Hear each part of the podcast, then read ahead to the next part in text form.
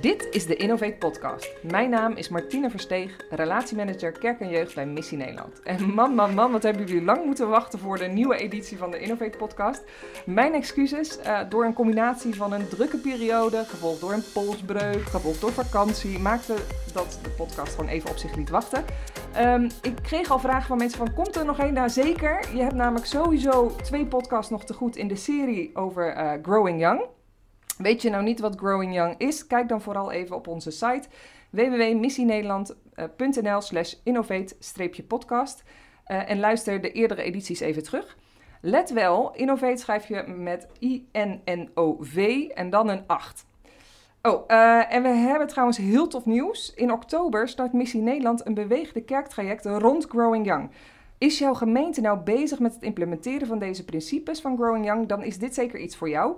Uh, we willen namelijk diverse kerken met datzelfde verlangen bij elkaar brengen om van elkaar te leren. En daarbij zijn er ook diverse experts uit het netwerk die uh, jouw gemeente gaan helpen om daar verder in te groeien. Dus uh, een aanrader, kijk daarvoor op onze site www.missienederland.nl slash growingyoung. Goed, vandaag ga ik in gesprek met Ronald van der Oever. Hij is adviseur bij de Unie van Baptisten en de ABC-gemeente. Um, en uh, ik weet dat dit een thema is die hem heel erg uh, ja, dicht bij zijn hart zit, bij deze principe. En verder zit aan tafel Pim Brouwer. Pim is voorganger in de protestantse gemeente in Maasluis. En Pim en ik gaan way back naar mijn eerste jeugdwerkbaan waar we samen tienergroep leiden.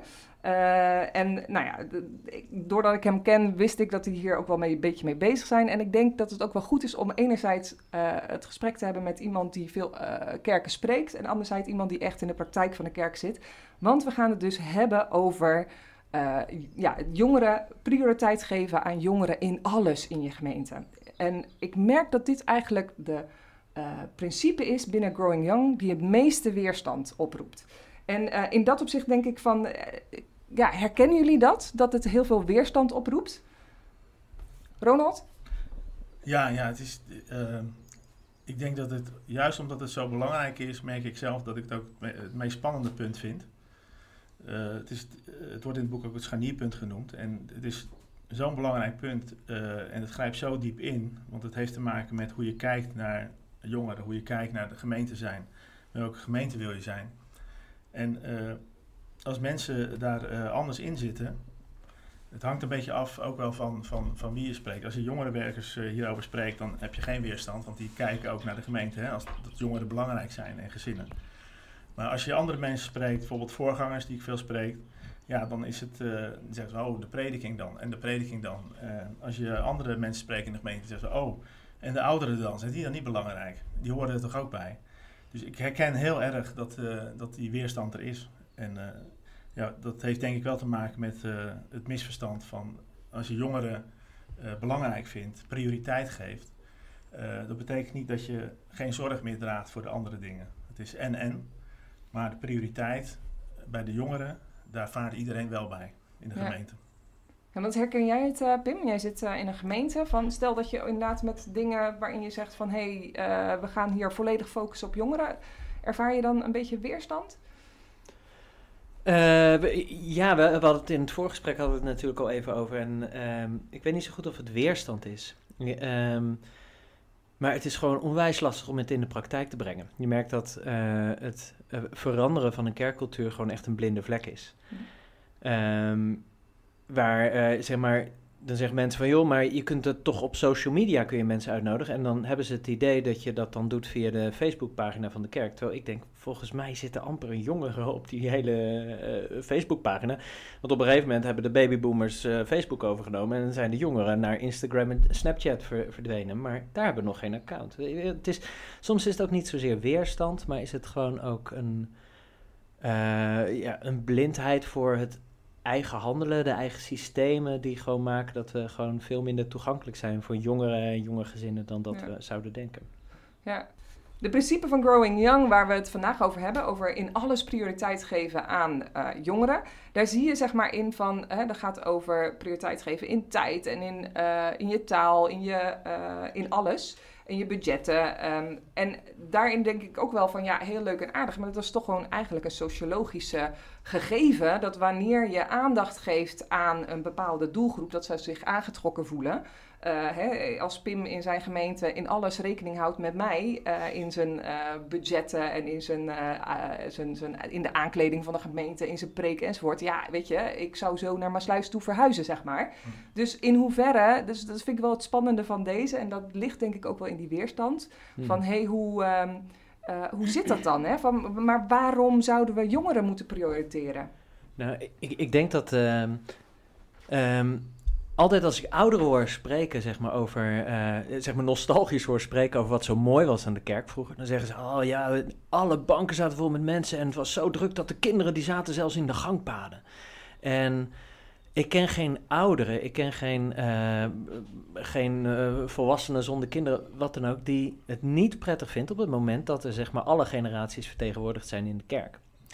Um, dus wanneer je de prioriteit geeft aan jeugd, uh, als je de prioriteit geeft aan jonge gezinnen, dan ontstaat er een kerkcultuur waar, nou, die zeg maar recht doet aan dat prachtige, nostalgische gevoel van, van ouderen ook. Net zozeer als dat jongeren zich meer welkom voelen.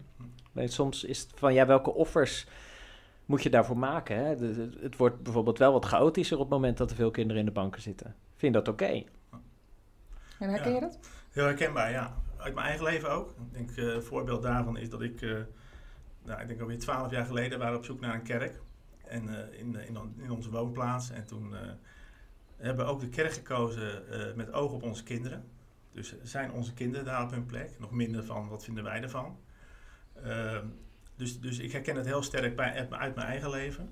Maar ik, als ik zie, het boek zegt het ook, hè, van dat het uit onderzoek komt, dat, dat daar dat je ziet van, uh, nou, als je kiest voor jongeren, dan uh, merk je ook dat ouderen daar uh, plezier in hebben en, en, en echt het leuk vinden. Hè? De voorbeeld die jij ook aangaf, Pim.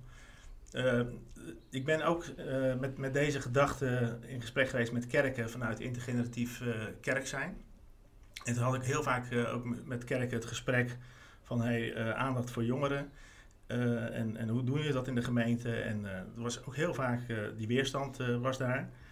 En toen haalde ik altijd, uh, want was dit boek nog niet uh, verschenen, toen haalde ik altijd een onderzoek aan van Aard Bontekoning. Uh, die heeft onderzoek gedaan in, in, in organisaties. En ook uit dat onderzoek bleek dat ouderen in organisaties meer plezier in hun werk krijgen als jongeren daar ook heel bewust een plek in krijgen. Dus dat jongeren bewust een plek krijgen in organisaties en dan voelen ouderen zich ook weer belangrijk, hè, als je dat goed uh, organiseert tenminste. Want zijn ouderen zijn als senior, die kunnen hun kennis delen. En dat kan ik, ook in een gemeente zo gaan. Dus als je jongeren belangrijk vindt en een plek geeft, dan, dan verlevendigt dat uh, de, de, de hele sfeer. Het is ook goed voor je brein. Hè. Je brein blijft jong. Dat schijnt ook voor de ouderen goed te zijn, om daar telkens weer uh, gericht te zijn op verandering en vernieuwing. Dat is ook wetenschappelijk bewezen. dus kiezen voor jongeren betekent dat uh, jong daar goed bij, uh, wel, goed bij vaart.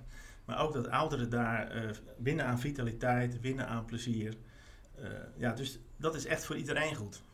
maar dat betekent beslist niet dat je kiest alleen voor jongeren en anderen buitensluit. Het is ook kijken van hoe kunnen we ouderen daarop aan laten sluiten en hoe kunnen we ook de rest daarop aan laten sluiten.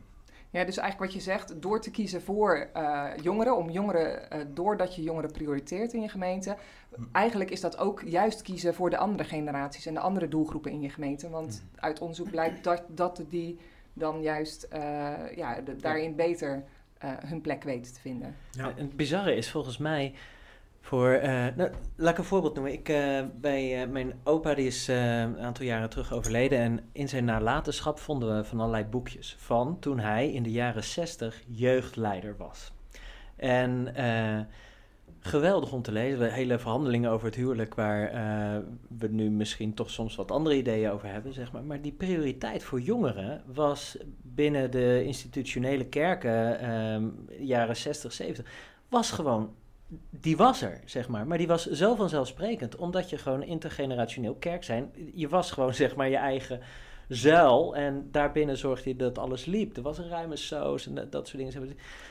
Uh, en dan hoor je oudere mensen wel eens zeggen van ja, maar vroeger uh, moesten we ook gewoon uh, op zondag gewoon in de kerk zitten. En dat was ook heus niet altijd leuk. Nee, maar uh, zelfs liedboek 1973 is ooit uh, een soort van hip geweest, zeg maar. maar. Dus die veranderingen zijn van alle tijden. En ik vond het zo bemoedigend om mijn super ouderwetse confessionele opa, zeg maar, uh, zo'n jeugdverhandeling te, te, hebben zien schrijven. Dat ik denk van ja, maar het is van alle tijden. En we zijn het misschien verleerd. Er is ergens een moment geweest, en ik weet niet waar dat in zit of wanneer dat gebeurd is dat we die prioriteit opgegeven hebben. Dus het is niet een, in die zin is het niet vernieuwend om uh, de Growing Young principes toe te passen. Alleen we moeten het ook weer wat herontdekken, denk ik. Ja, ja. Uh, mooi. Maar wat ik ook wel... Het is, ook zelfs, hè, in de Bijbel herken je dat als Jezus dan op een gegeven moment, uh, voor mij in de buurt van Marcus 7, dat, dat Jezus dan een, een kind als het ware in het midden zet. En ja. dat hij naar de discipelen zegt van, joh, kijk naar hun. Hè, kijk, kijk, naar, kijk naar het kind en, en word zoals zij. hij stelt je kinderen juist als voorbeeld. Dus eigenlijk is het al vanaf uh, de, onze grondlegger uh, dat, dat kinderen gewoon in het centrum worden geplaatst. Ja. Maarten Vermeulen die heeft zijn boekje geschreven van, uh, over kerktaal. En daarin staat op een gegeven moment ook iets over het jeugdhonk, zeg maar. Dan, dan hoopt hij zeg maar, dat zeg maar, de volgende generatie het wel weer goed gaat oppakken. En dan zegt hij zoiets als van... de, Jezus die had het vast niet over zeg maar, het jeugdhonk, maar had hij het over zeg maar, die lieve kindjes die een kleurplaats van de goede herder verknallen uh, op de zonderschool. Um, we, uh, waarom zeg ik dit nou? De, ja, nou, waarom zeg ik dit nou? Ja, ik vond, eh, die nieuwe generatie, die, uh, uh, die moeten we ook, ook de ruimte geven en serieus nemen. Ja. En, en dat is denk ik ook wat uit dat verhaal blijkt.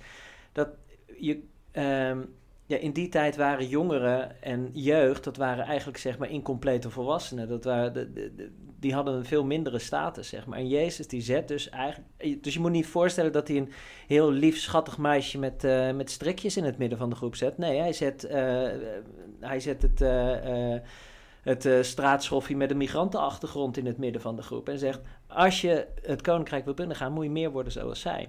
En uh, als je dat gaat realiseren, uh, ja. wie hij prioriteit geeft, dan hebben we als kerk echt nog heel veel te winnen. En uh, hij zegt ook letterlijk, wie hen opneemt, neemt mij op. Ja. ja. ja. dat vind ik zelf ja, een heel mooi voorbeeld van hmm. juist je uitstrekken naar anderen, naar vreemden, maar ook vooral naar kinderen. hey, maar een ander aspect, wat ik, want bij, bij het voorgesprek noemde jij dat ook, Ronald, over... Mm -hmm uh, dat het ook past bij de levensfase hè, van prioriteit geven aan jongeren. Kun, ja. je daar iets over vertellen? Ja, ja het, dat zegt het boek ook vanuit het onderzoek. En ook als je kijkt naar hoe kinderen in elkaar, uh, hoe, zich, hoe kinderen zich ontwikkelen, dan zie je dat kinderen op jonge leeftijd het meest gevoelig zijn voor, voor zowel positieve als negatieve reacties van mensen. Dus als je begint met uh, kinderen prioriteren en ze het gevoel geven dat ze erbij horen, dat ze thuis zijn, dan uh, komt dat bij kinderen extra goed binnen. Hm. En dat wil niet zeggen dat andere uh, mensen daar niet gevoelig voor zijn. Ik denk met, met name een ouderen, die kunnen er ook best gevoelig voor zijn. Maar bij kinderen vanuit hun ontwikkelingsloop ja, is het heel belangrijk dat ze al gelijk het gevoel krijgen dat ze erbij horen. Ja. En helaas eh, ik, ik, ik, heb wel eens pas gehoord eh, over een gesprek met kinderen. Dan vraag je, uh, er was, was, een onderzoek geweest waarin ze gevraagd werd van nou, hebben jullie het gevoel dat jullie erbij horen in de kerk? En dat kinderen ook echt zeiden van nou, ik heb het gevoel dat de zondagochtend meer is voor volwassenen, voor oudere mensen. Ja. Nou, dat was voor mij echt van, daar schrok ik ook een beetje van toen ik het las. En want dat was van, hé, hey, die, die kinderen hebben dus het gevoel dat ze er niet bij horen op zondagmorgen. Ja. En uh, nou, dat zit in hele subtiele dingen. En dat is wel denk ik de uitdaging voor de gemeente om... Uh, en ook het besef van hoe gevoelig zijn kinderen en jongeren voor het erbij horen. Ja. En hoe geef je ze het gevoel dat ze erbij horen. Ja. Nou, ja, en wat dat betreft, kijk, uh, dit, dit, is eigenlijk, uh, hey, ik noemde het al vooraf, van, ik vind dit eigenlijk wel de spannendste principe eigenlijk van alle principes die uh, Growing Young ehm, benoemt. Um, en het grappige is, is dat ze in het boek noemen ze het ook, hè, dit, dit punt als scharnierpunt uh, van alle, uh, alle principes uh, die we hiervoor hebben gehad. Hè. We hebben het hiervoor gehad over een warme gemeenschap, over leiderschap doorgeven, over empathie hebben voor jongeren. En, en het, het ehm, Jezus serieus nemen en centraal zetten. Maar dat ze eigenlijk in het onderzoek zeggen, en, en er komt nu een, een scharnierpunt. Ehm, dus voor mij is in die zin de vraag van hoe, hoe komt dat, dat dit nou een scharnierpunt is? Mhm. Ja, ehm, twee, twee voorbeelden. Ik, eh, ehm, kijk, vrijwilligers zoeken. Ze, elke kerk moeilijk. Ze hebben het altijd, oh, nou, de vrijwilligers, we kunnen niemand voor dit ambt vinden of voor dat. Ehm, laatst zijn wij begonnen met een, eh, met een nieuw soort vieringen. Dat heet de kerk op schoot Eh, waarin we eh, dus eh, ouders met kinderen tot vier jaar uitnodigen. En dat je echt een soort ja, een sensorische kinderviering hebt. Waar ze een bepaald verhaal uitgelegd krijgen. En dan kun je echt vanaf babyleeftijd aan meedoen. Na die viering kwam er een moeder naar mij toe en die zei: Ik zou graag mee willen helpen met de voorbereiding hiervan. Waar kan ik me aanmelden? En die vraag die heb ik toen maar aangepakt en ik ben met die vraag nog even rondgegaan. En eh, we hadden zo een lijst van vijf ouders bij elkaar die zich graag wilden inzetten voor dit nieuwe initiatief. Dan denk je, wauw, wa- waarom nu ineens wel?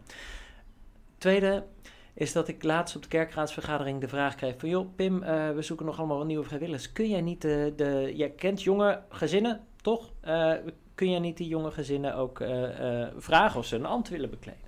Waarop ik eigenlijk gezegd heb van joh, eh, nee. Waarom niet? Omdat ik er zelf niet in geloof. Ik geloof niet in de manier hoe wij nu het systeem van de kerk hebben ingericht met... eh, zeg maar, de, met eh, e-mailtjes met honderd bijlagen, een zeer lange ambtsperiode. Dus al die dingen die gewoon in, onze, in ons kerkelijk DNA haast vastgeroest zitten. Daar kan ik heel erg weinig mee. En de, ik heb ook het idee dat, dat, dat eh, mijn generatie daar ook weinig... Ik ben zelf 35, eh, dat mijn generatie er weinig mee kan. Dus ja, ik wil heel graag nieuwe leiders in onze kerk. Maar zolang het systeem nog op deze manier functioneert... dan verwacht ik niet dat we gemakkelijk vrijwilligers zullen Dat is- werven. Dat is kom je met, dat is kom je met, heftig? ja, dat, dat is ook heftig. Dat maar, vraagt om hele grote veranderingen. maar, maar tegelijkertijd is er ook wel een kans dat op het moment dat wij iets starten waarvan ouders zeggen van hé, hey, dit is waardevol, Hm. dat het dan ineens wel mogelijk blijft. Dus het heeft heel erg met de waarde van de kerk te maken. Hè? Ja. Dus, dus wel, ik, laatst benoemde ik het met een, eh, bij mijn collega's. Eh, Ik ben eh, predikant in twee wijkgemeentes en een van die wijkgemeentes daar nou, is behoorlijk vergrijsd. Hm. En ik noemde het actief, noemde ik naar mijn collega's van, joh, maar die seniorenvieringen, ho, ho, ho, seniorenvieringen. Ja, zoals ze nu vormgegeven zijn, vind ik het seniorenvieringen. Nou, ik heb echt moeten praten als brugman, zeg maar, voordat ik dat een beetje erdoor had dat dat Hm. zo was. En nog steeds waren ze het met me oneens. En heb ik die termen laten vallen, maar ik sta er eigenlijk nog wel steeds achter. Nee, ja, ik, ik merk, eh, de vraag is, waarom is dit een scharnierpunt? Ik merk, eh, ik heb eh, met het onderwerp integratieve kerk dus bezig geweest. En dat, dat is heel erg overlappend met, met dit verhaal. En daar eh, was mijn vraag ook altijd van, hey, hoe ga je dit nu in de praktijk brengen? Hoe ga je nou jongeren meer betrekken in het gemeenschapsleven? En ik begon dan ook van, eh, begin met visie. Begin met visie en dan in de organisatie en dan in activiteiten. Vaak wordt er andersom gedacht. Hè. Dus we beginnen met allerlei activiteiten, een jeugddienst, eh, noem maar op, allerlei andere dingen. Maar het heeft te maken met, en dat maakt dit punt zo belangrijk, prioriteer jonge mensen en gezinnen in alles. Dat is echt een kwestie van zien. Hè. Visie is ook het woord zien in. En dat is niet een saai stuk wat verdwijnt onderin een la. Maar dat is iets wat je blijvend eh, op je netvlies zet. Dus als je een ruimte binnenkomt, als je in een gemeente binnenkomt, wie zie jij als eerst? Hè, even zo letterlijk. Zie jij eerst de ouderen, de volwassenen of zie jij eerst de jongeren? Eh, nou, als je jongeren aanspreekt in de ruimte, dan zie je dat ze eigenlijk eh, opfleuren, want ze worden gezien. Nou, dat is eigenlijk wat, wat dit zegt. Van prioriteer jongeren en gezinnen in alles, is van ga ze echt zien in de gemeente. Begin met eh, het zien Hm. en geef ze dan een plek in alles. Maar zie ze niet alleen in de hal, zie ze overal. Zie ze tijdens je prediking, zie ze tijdens eh, je worship, het zingen van liederen. Zie ze tijdens eh, de, de commissies die je hebt, de werkgroepen die je hebt. En betrek ze bij alles wat je, wat je... Hmm. Dat komt er allemaal uit voort. Dat begint bij het prioriteren. En de rest komt hier eigenlijk uit voort. Nou, en dat hebben we ook eh, inderdaad eh, in de voorbereiding hadden we het heel sterk over. Hè, van hey, wat is nou de scha- scharnierpunt? Eigenlijk alle principes waar we tot nu toe ook op de, eh, in de podcast over hebben gehad, zijn dingen die je doet. Hè? Je, je, je, je, ehm, je geeft leiderschap door. Het is een Hm. warme gemeenschap. Het gaat over hoe je bent in die zin. Terwijl nu kom je op een scharnierpunt waarbij je het gaat over, ja, maar wat voor cultuur? Je kan, die andere dingen kun je nog ergens met een sausje eroverheen, over je gemeente, het idee hebben, ja, we geven leiderschap door, of ja, we, eh, we zijn een warme gemeenschap. Maar in alles jongeren prioriteren, dat gaat over eigenlijk nog die laag dieper. Hè? Want dat hoor ik bij jou ook van. In alle, ehm, ehm, ja, in alles wat je doet, uh, jongeren voor je zien eigenlijk. Ja, zo grappig. We, hebben, uh, we zijn nu bezig met het digitaliseren van ons kerkblad. En dat betekent dat we zeg maar, naast de gedrukte, uh, echt door de drukker gezette nieuwsboden die we hebben, de kerkwijzer, is er ook de mogelijkheid om je digitaal in te schrijven. Wat gebeurt er vervolgens? Je moet daar wel dezelfde 15 euro abonnementskosten voor betalen als voor de papieren versie. Waarom? Ja, want als wij dit gratis gaan verlenen, dan gaan we papieren abonnees kwijtraken. Oftewel, zeg maar, dit medium, wat überhaupt ongeschikt is uh, over het algemeen om jongeren en jonge gezinnen te bereiken. Um, dit medium, zeg maar, de jongeren voor wie de drempel toch al hoog is om communicatie van de kerk te ontvangen, zeg maar, die moeten ook nog eens die 15 euro betalen, zeg maar, om de mensen die het op papier thuis willen hebben te faciliteren. Dus dat, dan merk je gewoon heel erg waar, waar, ligt de, uh, waar ligt de prioriteit. Ik zou veel liever hebben dat wij een nieuwsbrief hebben waar um, we gewoon met uh, een of andere ja, Mailchimp voor de, voor de kenners, zeg maar, dat je gewoon iets hebt waar je heel gemakkelijk snel uh, mee kunt communiceren. En dan zo'n kerkblad als zeg maar de, mm. de grote ding. Maar, maar de, je ziet gewoon dat de prioriteit dan toch blijft liggen op de ouderen en wordt er vaak bijgedacht betalende leden. Hm.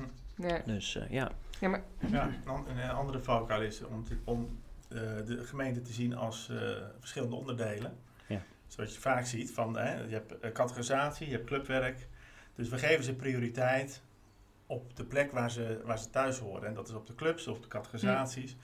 Maar als het om onze plek gaat, en ik spreek even vanuit de volwassenen, ja, dan, dan wordt het lastig. Want dat is onze plek. En daar vinden wij dit en dit belangrijk. Daar vinden wij traditie misschien belangrijk. Daar vinden we het woord belangrijk. Daar vinden we, nou noem maar op. Uh, maar dit, dit principe gaat echt van, hey, je gaat echt naar de basis waar alles van uitkomt. Ja, ja. Daar geef je ze prioriteit. Dus daar valt de zondagsdienst onder, daar valt alles onder. Ja, ja. dat is een hele spannende. Zo grappig. Ik ben, ik ben, zeg maar, in mijn gemeente ben ik de eerste predikant die geen toga draagt. Hm. Dat vonden ze wel even een beetje lastig. Maar ik ben direct met de mensen die het lastig vonden gaan praten. Uiteindelijk zijn we de beste uitgekomen. Maar het grappige is, je hebt dus een hele hoop pastors en uh, dominees, predikant, hoe je het ook wil noemen. Die uh, doen altijd hun toga, maar met een jeugddienst doen ze eventjes die toga niet aan. Omdat ze toch wel doorhebben dat dat mogelijk wat drempelverhogend werkt.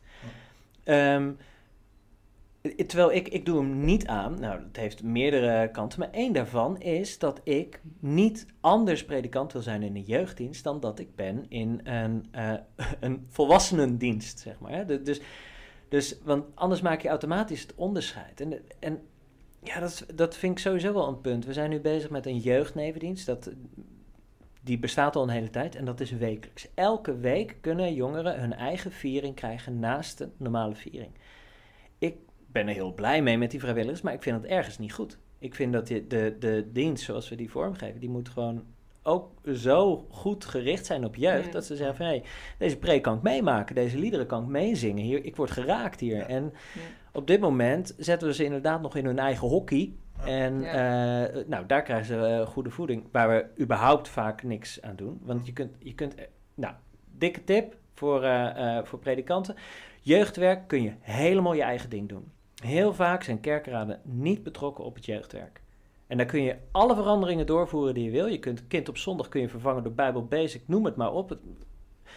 En er is geen uh, haan die er naar krijgt. Maar ga je die cultuurverandering doorzetten op de plek waar ook volwassenen komen, ja, dan zijn de dingen ineens super lastig. Ja. Dat, dat, dat is denk ik ook wat er met dat kantelpunt bedoeld wordt. Van hé, hey, je kunt al die dingen wel doen, maar op het moment dat het zeg maar in de aparte hokjes blijft, op het moment dat het niet de kern van het gemeente zijn raakt, dan ga je het niet veranderen. Want op een gegeven moment moeten die jongeren toch vanuit de jeugdnevendienst een keer in de kerk terechtkomen. En uh, de gap wordt echt steeds groter. Ja, eigenlijk op het moment dat het uh, mensen aan twee kanten gaat snijden en uh, eigenlijk het offers vraagt van je als ouderen, ja, dan wordt het spannend. Ja. En dat, dat is de grote uitdaging, denk ik, die er is voor de jeugdwerkers om daar een een goede ambassadeur te zijn van, Ja. eh, van jongeren. Om, eh, en, en, en ouderen ook te blijven waarderen. Hè? Om, als ze eh, zichzelf ook, als ze dat stukje inleveren. eh, als ze bereid zijn om die offers eh, te maken voor jongeren. Ja, dat is heel mooi om dat eh, ja, te waarderen, te bevestigen. Ja. Ja. ja. Ja, wa- wat dat betreft is het ook ehm, wel grappig. Hè? In principe, ik, ik heb tot nu toe gezegd van het prioriteren van jongeren. Maar in het boek zeggen ze eh, niet eh, alleen jongeren, Ja. maar geef prioriteit aan jongeren en gezinnen. Ehm, ik denk dat dat ook wel goed is om daar even nog bij stil te staan. Van, ja, Ja, maar wat, wa- waarom hè, die, die combi ook? Ja. Eh, een goede vriend van mij die is, eh, die am- is ambtsdrager, jeugdouderling in de NGK. En die zei voor mij wel iets wat, wat ik mee heb genomen waar ik steeds meer de waarde van ben gaan inzien. We hebben een missende generatie. Eh, en dat is, niet, dat is de generatie van dertigers. Namelijk ouders van jonge gezinnen. En of, of alleenstaande dertigers, dat maakt in die zin niet zo heel erg veel uit. Maar ehm, ik ben eh, als ouder sta ik aan het schoolplein. Hm. Eh, ik, ik, er is nog, ik heb nog genoeg feeling, zeg maar, om te begrijpen wat een Insta-post is. Ik heb, ik heb nog genoeg feeling, zeg maar, met een jeugdcultuur om, eh, om daarin mee te gaan. Ik kreeg laatst echt het mooiste compliment van een van mijn jeugd, eh, van mijn jongeren. Zei van, joh, ja, je bent wel predikant, maar je bent ook een beetje puber. En dat vind ik echt heel erg fijn aan jou. En, dat, en dus die, de, ehm, veertigers en vijftigers die zich inzetten voor de jeugd, dikke prima, super mooi. maar eh, de, het is onvoorstelbaar hoe snel de cultuur verandert. En zeker in de laatste decennia. En hoe moeilijk het is om betrokken te blijven op het daadwerkelijke leven van de jongeren. En ik zeg niet dat mij dat altijd lukt, want mijn Instagram is echt op sterven na dood, zeg maar. Terwijl ik nog een hele hoop op Facebook doe. Maar Geen snap, joh. Ik heb wel Snapchat, maar dat gebruik ik vooral voor de leuke Voor de maskertjes. foto's. Ja. Ja. Ja. Nee, maar ik, zat, ik zat te denken, dit, dit is natuurlijk ook, als je het hebt over jongeren en kind, wie is het belangrijkste in hun, eh, in hun leven? Dat is niet de kerk, dat is niet de jeugdwerker. Dat is hun eigen gezin, de vader en moeder. Ja. Dus eh, als je het hebt over eh, wat het meest ingrijpend is, nou, een, een spanning in, in het huwelijk, dat slaat over op de kinderen. Hè? Absoluut. gebroken gezinnen, gescheiden ouders.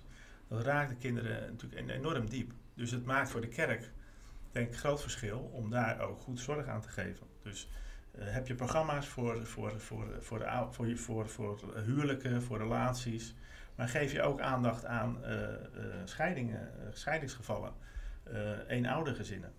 Eh dus als je daar goed zorg voor draagt en ook de, Ja. de veiligheid in een gezin, want ik denk dat daar, dat een van de basis uitgangspunten is. Als je zorg kan dragen voor veiligheid in gezinnen en daar aandacht aan geeft.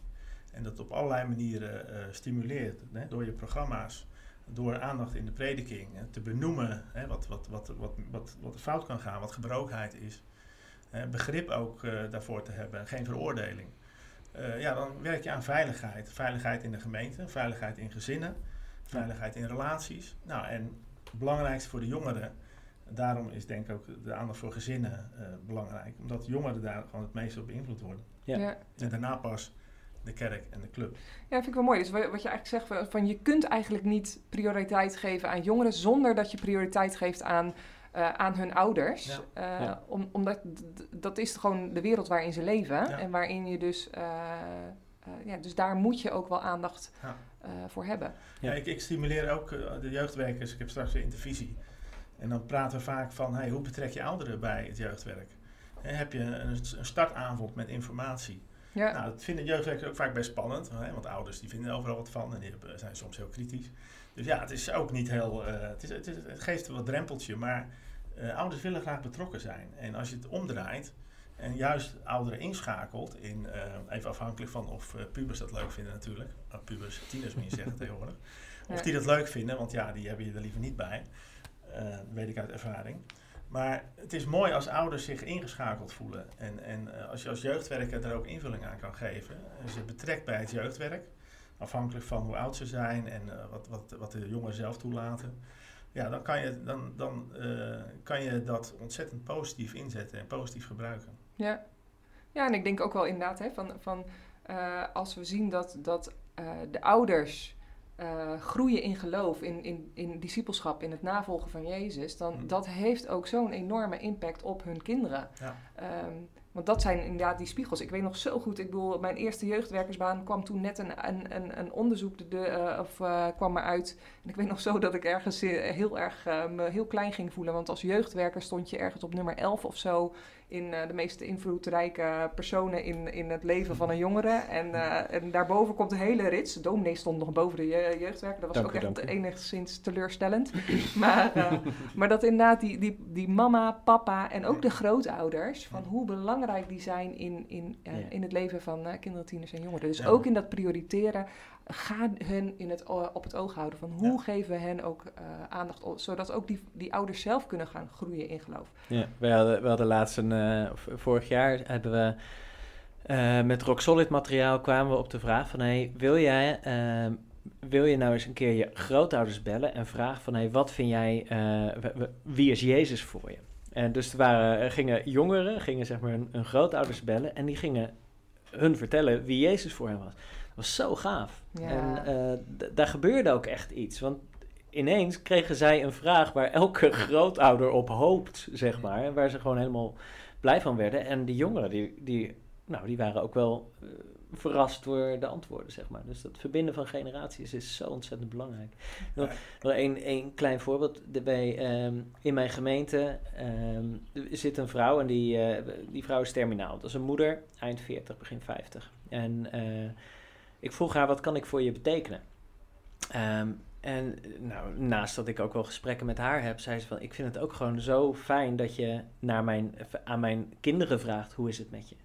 Het, het ligt zo in elkaars verlengde Ja. ook. Je, je kunt Ja. het een niet doen zonder het ander. Ja, en dat is ook wel interessant. hè, Dat zeiden we ook in de voorbereiding van. eh, eh, uit dit onderzoek kwam ook heel erg naar boven over ehm, dat het familiegevoel. Hmm. In, in, eh, dat dat ook iets is wat jongeren heel vaak noemen als, het, als er gevraagd wordt van... joh, waarom ben je nou, eh, waar, waar ben je nou blij over in, in, in, wat betreft jouw gemeente? Dat het eigenlijk elke keer ook wordt genoemd van... ja, maar het, het voelt als familie. Dus eigenlijk is het niet alleen dat je je richt op het gezin... maar het wordt eigenlijk een soort van bijna verlengstuk van... de- je gemeente als een verlengstuk van het gezin. Ja. Ehm, dus dat, eh, ja... Het is ook een beetje een pleidooi voor eh, overzichtelijke gemeenschappen, zeg maar. Grote kerken is, is ook lastiger om een, een soort familiegevoel te creëren. Ja, Ja, ik zie het bij mijn eigen kinderen, die zitten al een beetje in de tienerleeftijd, en aan het eind van de tienerleeftijd. Ja, als ik, en ik, we hebben een, ik ga dan zelf naar een missionair kerk, en waar dus ook eh, ja, heel, heel veel verscheidenheid is. Maar omdat het zo klein is, hebben kinderen, die voelen zich heel snel gezien. Dus dan is het vaak van, hé, hey, het voelt als familie. Dat hebben ze ook letterlijk soms eh, zo gezegd. Ja. Van, hé, hey, het is toch, ze worden gezien eh, en dat geeft, dat geeft een band. ja, En een, ander, een andere belangrijk eh, misverstand is wat er vaak kan zijn, is vaak denken we dat alle ouders of grootouders uh, gelovig zijn van kinderen. Maar dat is natuurlijk niet altijd zo. maar, Dus aandacht geven aan ouders. Soms zitten ouders, zijn ze helemaal niet gelovig, of soms is er één gelovig, of soms zitten ze in een moeilijke fase van geloof. Ook daarin kan een kind, hè, dat heb ik ook uit ervaring ervaren, dat, of uh, meegemaakt, dat, dat we uh, dat iemand bij ons was, een jongere, waarvan de oude, de ouder niet geloofde. Nou, die ouder die vond het, het was een eenouder gezin. En die moeder vond het uh, geweldig dat, ze, dat haar zoon eigenlijk zoveel uh, vaders had in de, in de, in de Mhm. kerk. Uh, want ja, daar had hij een goede voorbeelden aan. Ja. Dus in die zin, het werkt naar alle kanten kan het heel mooi uitwerken. Dus het is ook, ja, net zoals wat Jezus zegt, die stelt die, die jongeren in het midden. Kijk naar die persoon. Nou, dat is gewoon, uh, daarin kunnen we ook Jezus ontmoeten. Yeah. ja. En dat was En- voor die moeder dan, die, die ontmoette eigenlijk via haar zoon, zag ze iets van Jezus in de mannen in de gemeenschap. ja, mooi. Ja, het mooie, het mooie met de vergelijking met familie is ook dat je. eh, eh, ik denk dat de twee dingen sowieso waar zijn voor familie. Is dat je samen moet leven met mensen die echt totaal anders denken, omdat ze van een andere generatie zijn. Mm. En eh, dat je je familie niet kunt kiezen. De, dus waar heb je nou plekken in onze maatschappij waar je niet alleen je leeftijdsgenoten, gelijkgestemden, ehm, dat soort mensen ontmoet, maar waar je ook mensen van andere generaties ontmoet. Ja. En ehm, wat dat betreft is het ook een pleidooi voor ook de wijsheid van ouderen in het leven van jongeren. En de wij, nou, zeg maar, je hebt zo'n prachtige kruisbestuiving. Er is laatst een artikel eh, eh, verschenen in het Nederlands, eh, geïntroduceerd door Gertine Blom. En die had het over dat millennials, dus mensen die zeg maar de jaren 80, 90 eh, van de vorige eeuw geboren zijn, dat als hen gevraagd wordt, eh, de millennials die in de kerk zijn gebleven, als hen gevraagd wordt van hey, wat vind je belangrijk, dan is het, ik heb vrienden van een andere generatie. Ik heb hier mensen ontmoet die niet van mijn generatie zijn. Waar doe je dat nog? Ja. Ja. Dus eh, ja, ja, dat is echt een unieke kans. absoluut. Ja, ja, Ja. mooi hè. Hey, en, eh, want we moeten langzamerhand gaan afronden. Ehm, maar ik wil toch wel ook de vraag stellen van... Oké, we, hè, we hebben het gehad over waarom zou je jongeren prioriteren. En, eh, maar, maar hoe? Hoe Ja. doen we dat? Mag ik een heel piepklein voorbeeldje noemen?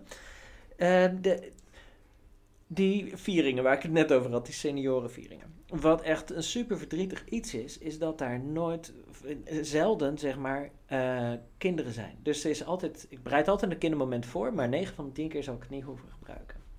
Wat doe ik wel? Op het moment dat ik merk dat er geen kinderen zijn, ik steek een kaars aan. De kaars die normaal mee zou gaan naar de kindernevendienst, zeg ik van hé, hey, ik steek deze aan en ik bid op dat moment een gebed eh, voor de jongeren, voor de kinderen van de gemeente. Hmm. En ik doe een stukje schuldbeleidnis ook namens de gemeente. Het spijt me dat, dat, dat we eh, hen niet altijd we- weten te bereiken. Help ons om wijs en op een goede manier het christendom hen voor te leven. Mooi. Gewoon, eh, zelfs als kerk waar je totaal geen jongeren meer hebt, kun je toch zoveel betekenen. Hm. Je kunt hun voorleven in, in, in gebed. Je kunt ze zelfs voorleven in, in, in, het, in, eh, in sterven. Je kunt ze voorlezen in, in, voorleven in, in, in alles. Hm. Zolang je er open oog voor hebt, Ja. Denk ik. Mooi. Ja, ik, ik, denk, ik denk dat ook vaak, waar, waar begin je hè, met, met zoiets? En, en, eh, ik, ik zag zelf een heel mooi voorbeeld op de, op de website van Lef Navigators. Die hadden een heel mooi voorstel. eh, eh, die zeiden van nou, begin in je eigen gemeente een, een ouder-nevendienst. Hm.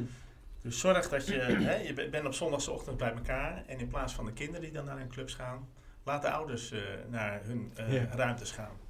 Ehm, ik vond het een hele mooie, omdat het eh, een soort shock of in positief, je, is- je krijgt heel veel empathie dan Hm. voor kinderen. Want zo voelen kinderen zich ook als ze vanuit de grote zaal naar hun eigen ruimtes gaan. En niet om daar dramatisch over te doen, maar wel om dat positief juist aan te pakken van Ja. hey, hoe, hoe, hoe, hoe voelt dat? Wat is dat? En hoe zou je het eigenlijk dan, dan willen? Ja. Dus het kan een mooi startpunt zijn om te gaan kijken van... hé, hey, maar als je jongeren dan zo belangrijk vindt... hoe gaan we dat dan invulling geven? Ja. En, en begin echt dan bij de basis. Van, Ja. Hoe kijken we ernaar? Waar betrekken we ze bij? Het boek heeft ook hele mooie praktische vragen van... hé, je zit bij elkaar in een commissie of in een brainstorm. Dan denk je van, hé, hey, kunnen we de jongeren bij betrekken? Ja. Eh, de- dus dat je al van de, vanaf de basis begint om jongeren erin een plek te geven.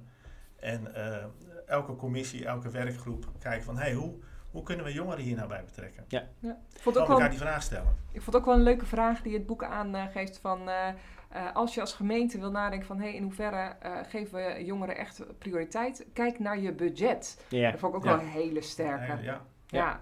We- ja, wij eh, hebben eh, sinds afgelopen week eh, eh, hebben wij een jeugdwerker. Welkom Edwin, wat fijn eh, dat je bij ons bent komen werken. En eh, wij, ik, een beleidsplan met een gemeente ontwikkelen, dat is super lastig. La- vaak laten we het een beetje, een beetje rust en zo. Maar het was wel makkelijk om mensen bij elkaar te krijgen om een jongerenbeleidsplan, een jeugdbeleidsplan eh, te doen.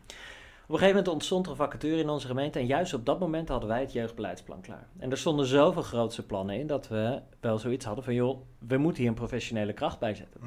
Dus met dat ik het jeugdbeleidsplan introduceerde, samen met een aantal andere mensen, zeiden we ook direct erbij van oké, als jullie ja zeggen tegen dit plan, er staat ook in dat wij iemand professioneel aan moeten stellen. Zeggen jullie ja tegen dit plan, dan gaan we de ontstaande vacature gedeeltelijk invullen met een jeugdwerker.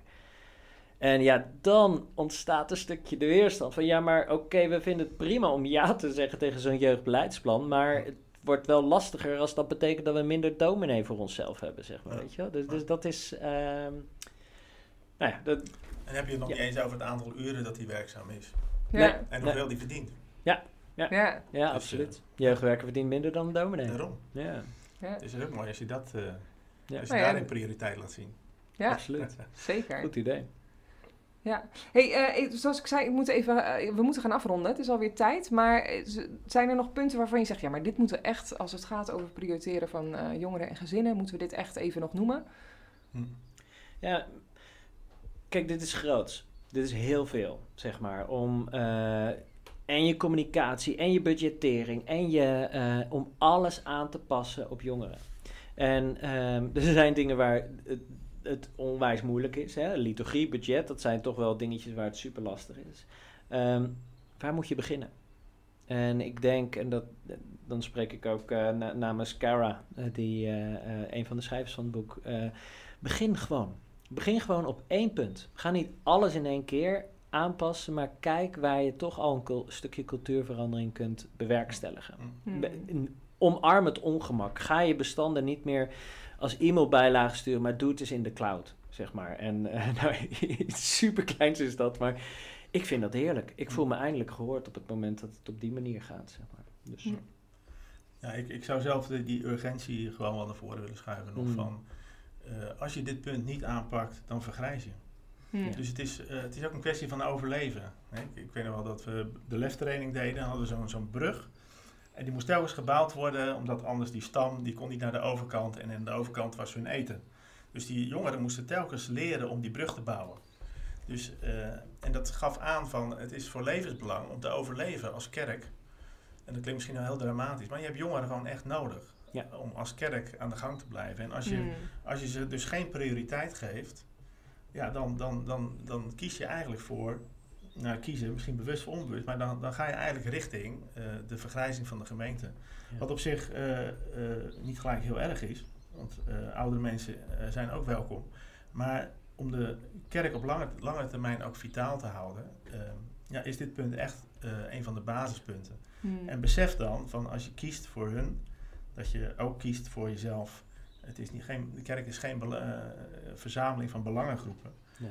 Aandacht voor de jongeren, prior- prioriteren van jongeren en gezinnen, daar vaart iedereen wel bij. Hmm. Ja, het, is ook, het is ook super bijbels. Hm. Als je kijkt zeg maar, naar een hele hoop eh, van onze geloofshelden. Kijk naar eh, een Rut, kijk in heel bijzonder ook naar Samuel. Kijk naar Jezus die al de mensen zit te onderwijzen eh, op 12-jarige leeftijd. Kijk naar Maria, zijn moeder. Hoe oud zou zij geweest zijn?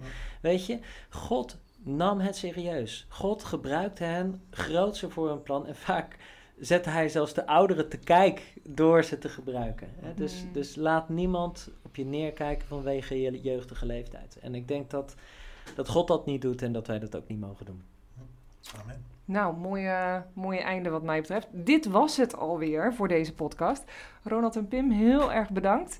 En eh, naar aanleiding van deze podcast zul je op onze website diverse handvatten nog vinden vanuit Missie Nederland. Om te kijken van hey, hoe, hoe kan je hiermee verder aan de slag. Eh, dat is eh, op www.missienederland.nl innovate-podcast. De volgende podcast is de laatste in de serie van Growing Young rond het principe beste buren. Of in ieder geval goed nieuws, missionair kerk zijn. En dat doe ik samen met Geert-Jan van Dijk van Tier en eh Dirk-Jan Poel van de Diaconale Steunpunt. Wat een onderdeel is van de Nederlands Gereformeerde Toerusting. Goed, ehm, daar eh, gaan we dan weer verder. En dat wordt de laatste in deze serie. En wat daarna komt, dat eh, ga ik eh, nog als verrassing houden. Maar eh, ik, eh, ja, hopelijk tot, eh, tot de volgende podcast.